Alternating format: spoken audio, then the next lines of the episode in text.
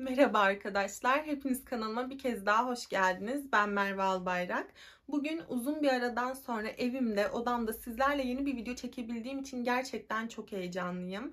Uzun bir zamandır, yaklaşık bir, bir buçuk aydır sınavlardı, onlar da bunlardı derken yeni bir video çekemiyordum. Ve bu yüzden de sanki hayatımda ilk defa video çekiyormuşum gibi bir stresle, heyecanla ve anksiyeteyle birlikte Nihayet kameranın karşısına geçmeyi başardım. Bugün sizlerle birlikte gerçekten son derece garip ve akıl almaz detaylarla dolu bir olay hakkında konuşacağız. Yani Katarzyna Zovada hakkında konuşacağız. Katarzyna Zovada henüz 23 yaşında genç bir üniversite öğrencisiydi. Kendisi 1 Haziran 1975 tarihinde Polonya'da dünyaya gelmişti ve Jagiellon Üniversitesi'nde din üzerine eğitim almaya başlamıştı. Yani anlayacağınız değerlerine bağlı genç bir kızdı. Fakat şöyle bir şey vardı ki Katarzyna üniversite eğitimi boyunca 3 kere bölümünü değiştirmek durumunda kalmıştı. Çünkü 1996 senesinde yani henüz sadece 21 yaşındayken babasını kaybetmişti. Ve Katarzyna babasını kaybettikten sonra ciddi bir depresyonla mücadele etmeye başladı. Yani dışarıdan oldukça sessiz, sakin, kendi halinde bir kızmış gibi görünüyordu. Ama hiçbir zaman babasının kaybını tam olarak aşamadı. Ve bu yüzden de üniversite eğitimine bir psikoloji öğrencisi olarak başlamış olmasına rağmen çok kısa bir süre içerisinde tarih bölümüne geçti. Ve daha sonrasında da dini bilimler bölümüne geçti. Çünkü içten içe bu bölümün kendisine iyi geleceğini düşünüyordu. Yani anlayacağınız Katarzyna değerlerine bağlı bir genç kızdı ve iç huzurunu bulabilmek için elinden geleni yapıyordu. Arkadaşlarına göre ise oldukça sessiz, sakin ve kendi halinde bir insandı. Yani derslere aksatmadan girerdi, dersini dinlerdi ve daha sonrasında da çıkıp giderdi. Elinden geldiğince insanlarla muhatap olmamaya çalışıyordu. Fakat Katarzyna her ne kadar dışarıdan sessiz, sakin, kendi halinde bir kızmış gibi görünse de içinde büyük fırtınalar olaylar kopuyordu. Yani oldukça karmaşık, çalkantılı bir hayatı vardı. Ancak 12 Kasım 1998 tarihinde korkunç bir olay yaşandı. Yani kimse böylesine bir olayın Katarzina'nın başına geldiğine ihtimal dahi veremiyordu. Çünkü o gün genç kız depresyon tedavisi gördüğü Novahuta'daki psikiyatri kliniğinde annesiyle buluşmak üzere sözleşmişti. Babasını kaybettiğinden beri bu içindeki boşlukla, bu depresyon süreciyle mücadele edebilmek için bu psikiyatri kliniğine gelip gidiyordu. Ve annesi de elinden geldiğince ona eşlik etmeye çalışıyordu. Onu yalnız bırakmamak için, ona destek olmak için elinden geleni yapıyordu. Fakat o gün her ne kadar günler öncesinde orada buluşacaklarına dair sözleşmiş olsalar da Katar Zina randevusuna gelemedi. Annesi uzun bir süre boyunca psikiyatri kliniğinde kızını beklemeye devam etti. Fakat Katarzina hiçbir yerlerde yoktu. Bunun üzerine zavallı kadın daha fazla kızını beklemekle vakit kaybetmek istemedi ve soluğu bölge karakolunda aldı. Fakat polisler ona beklemesi gerektiğini söylediler ve kayıp ilanı oluşturmadılar. Geçen her dakika Katarzina'nın aleyhine işliyordu. Daha sonrasında yapılan tüm aramalara rağmen genç kız hiçbir yerde bulunamadı. Ta ki 6 Ocak 1999 tarihine kadar. Çünkü 6 Ocak tarihinde polislere çok garip bir ihbar gelmişti. Bu ihbarı yapan ise bir geminin mürettebatından bir denizciydi ve denizcinin söylediklerine göre o gün gemiyle seyir hallerindeyken suyun üzerinde yüzmekte olan son derece garip bir şey görmüşlerdi. Bu şey soluk, lekeli bir şeydi ve denizciler bunun yanına yanaştıklarında yani incelemek amaçlı suyun üzerinde yüzmekte olan bu garip şeyin yanına yanaştıklarında bunun çok çok kötü koktuğunu fark ettiler ve bu durumu polise ihbar etmeye karar verdiler. Polisler ihbar üzerine olay yerine intikal ettiklerinde fark ettiler ki suyun üzerinde yüzmekte olan bu garip lekeli şey bir insan derisiydi. Ve gerçekten de denizcilerin söylediği gibi çok çok kötü kokuyordu. Bu deri hemen inceleme altına alındı ve yapılan incelemeler sonucunda polisler bazı ipuçları yakalamayı başarabilmişti. Bu deri yaklaşık 2-3 haftadır suda kalmış bir haldeydi ve vücuttan tek bir parça halinde soyulmuştu. Ancak deride kol ve yüz kısımları bulunmuyordu. Aynı zamanda göğüs uçları da yoktu. Ve şöyle bir şey vardı ki sol kulak ise yüzülen derinin üzerinde kalmıştı. DNA testleri ise bunun Katarzina'ya ait olduğunu gösteriyordu. Ve 14 Ocak'ta Katarzina'nın sağ bacağı da aynı nehirden çıkartıldı. Başlangıçta genç kızın vücudunun bir gemi pervanesi tarafından bu hale getirildiği düşünülmüştü. Çünkü bazı insanlar ortaya şöyle bir iddia attılar. Biliyorsunuz ki Katarzyna uzun bir süredir depresyonla mücadele ediyordu ve bir şekilde kendi hayatına son vermek istemiş olabilirdi. Ve kendisini nehre attıktan sonra o nehirdeki gemilerin pervanesi tarafından vücudu böylesine bir zarar görmüş olabilirdi diye düşündüler. Ama yapılan incelemeler gösteriyordu ki bunu genç kıza bir geminin pervanesini yapmış olması imkansızdı.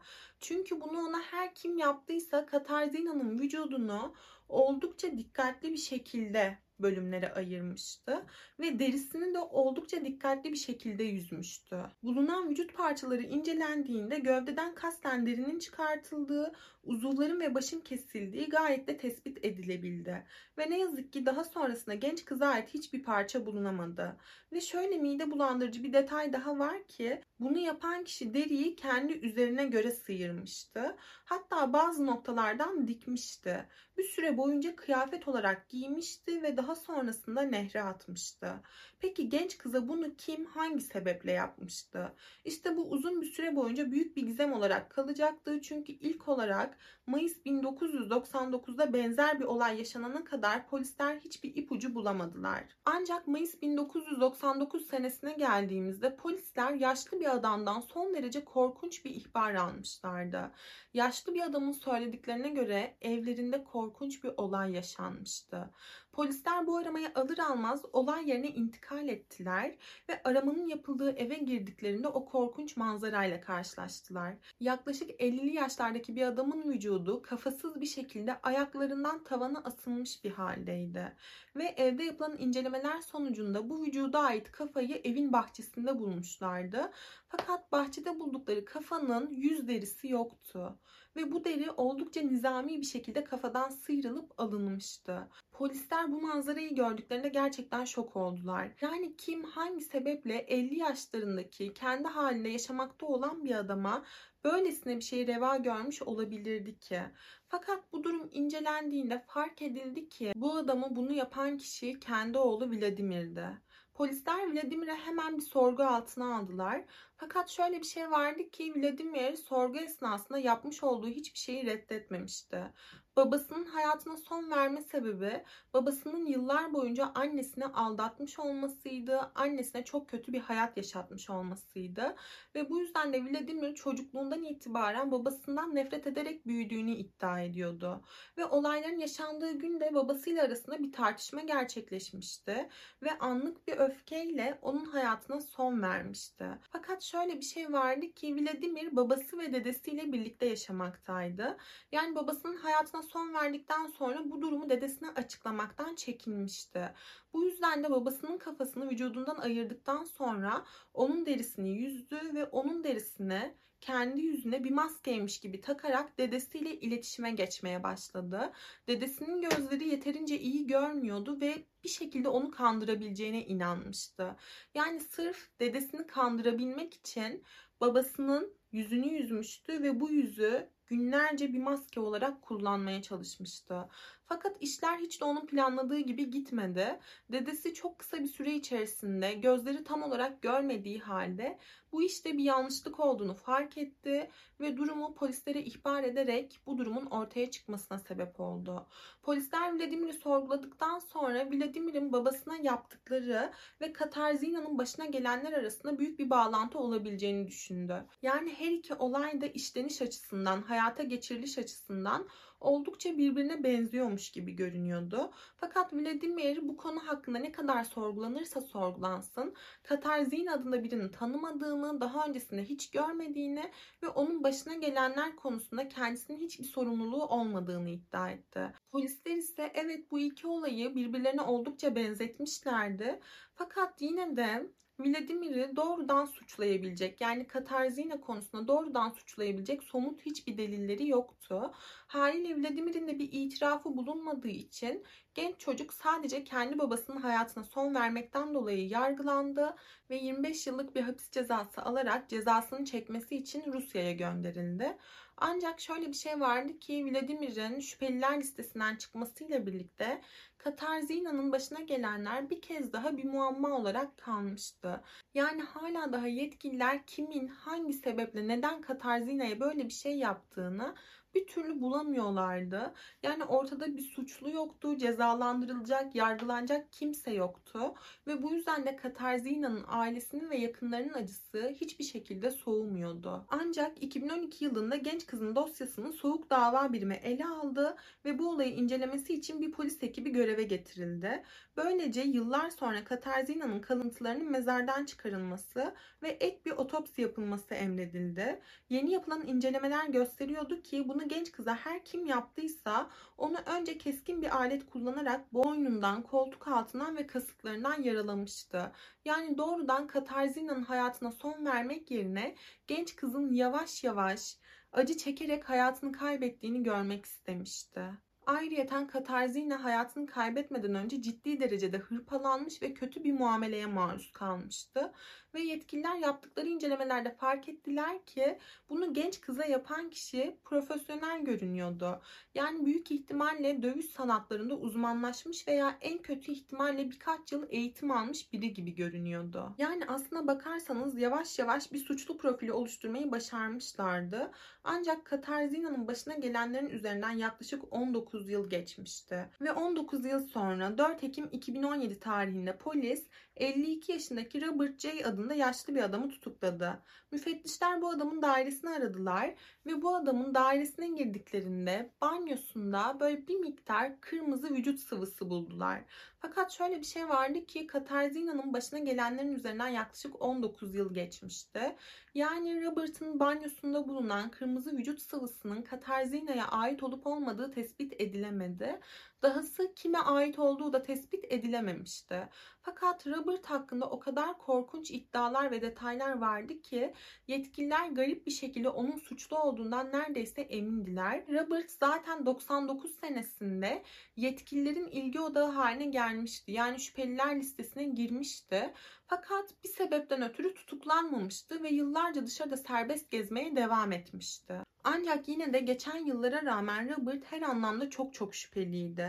Dövüş sanatlarında eğitim almış biriydi ve genç kızı tanıdığına inanılıyordu. Çünkü Robert daha öncesinde bir kere Katarzina'nın mezarını ziyaret etmişti ve kendisinin kadınları taciz etme geçmişi olduğu için polislerin oluşturmuş olduğu psikolojik profile oldukça uyuyordu. Hatta daha öncesinde kadavralarla uğraştığı bir teşrih laboratuvarında çalışmıştı. Ayrıca hayvan derilerinin hazırlanma sürecini gözlemleyebileceği Krakow Zooloji Enstitüsü'nde çalışmıştı. Ve şansa bakın ki bu enstitü Katarzina'nın okuduğu üniversiteye bağlıydı. Bu yüzden de yetkililer bir şekilde daha öncesinde Katarzina ve Robert'ın yollarının kesişmiş olabileceğini düşünüyorlardı. Yani Katarzina bu adamı doğrudan tanımıyorsa bile Robert bir şekilde Katarzina'yı görmüş ve onu hedefi haline getirmiş olabilirdi. Robert'ın Krakow Zooloji Enstitüsü'ndeki işine son verilme sebebi ise oldukça garipti. Çünkü Robert vardiyası sırasında inceleme için tutulan tüm tavşanların hayatına son vermişti. Ve bu durum ertesi gün fark edildiğinde Robert'ın bu konu hakkında hiçbir açıklama yapamamasıyla birlikte enstitü onun görevine son verdi ve onu işten kovdu. Robert J. üzerindeki bu suçlamalara bir açıklık getiremiyordu ve genç kızı kesinlikle tanımadığını, daha önce hiç karşılaşmadıklarını iddia ediyordu. Ama polis zanlının arkadaşından gelen bir mektup üzerine zanlıyı gözaltına aldığını duyursa da mektubun içeriğini halkla ve medyayla hiçbir zaman paylaşmadılar. Eylül 2019 itibariyle Robert halen daha serbest bırakılmış değil. Polisler doğrudan onu suçlayabilecek, onu yargılayabilecek somut bir delil elde edebilmiş değiller. Ayrıca Robert da gerçekleştirdiği iddia edilen olayı itiraf etmiyor ve inatla Katarzina'yı tanımadığını ve bu olayda hiçbir payı olmadığını iddia ediyor. Polisler 2019 senesinden itibaren bu olayla alakalı gelişmeleri paylaşmıyorlar. Çünkü dediğim gibi olayın işleyişini aksatacak herhangi bir adım atmak istemiyorlar. Fakat Robert 2019 senesinden beri tutuklu olarak yargılanmasına rağmen ne yazık ki hala daha Katarzina'nın başına neden böyle bir olayın geldiğini, bu olayı kimin veya kimlerin gerçekleştirdiğini ve genç kızın kayıp olarak bulunduğu o süre zarfı içerisinde nasıl bir muameleye maruz kaldığını, başına gelenleri net bir şekilde bilemiyoruz. Umarım Katarzina'nın başına gelenler en yakın zamanda netliğe kavuşur ve ona bunu yapan kişiler üzerinden yıllar geçmiş olmasına rağmen yargılanır ve hak ettiklerini bulurlar diye umuyorum. Bugün anlattığımız olay gerçekten tüyler ürperticiydi. Fakat boşluklar ve eksikliklerle doluydu. O yüzden sizler eğer ki bu videoda benim yer verdiğimden daha farklı bir bilgiye sahipseniz, paylaşmak istediğiniz farklı bir bilginiz varsa veya ben bu olayı anlatırken kafanızda bir varsayım veya teori oluştuysa mutlaka yorumlarda bizlerle paylaşmayı ihmal etmeyin. Bugünlük benim anlatacaklarım buraya kadardı. Bir sonraki videoda görüşmek üzere. Kendinize iyi bakın. Hoşçakalın.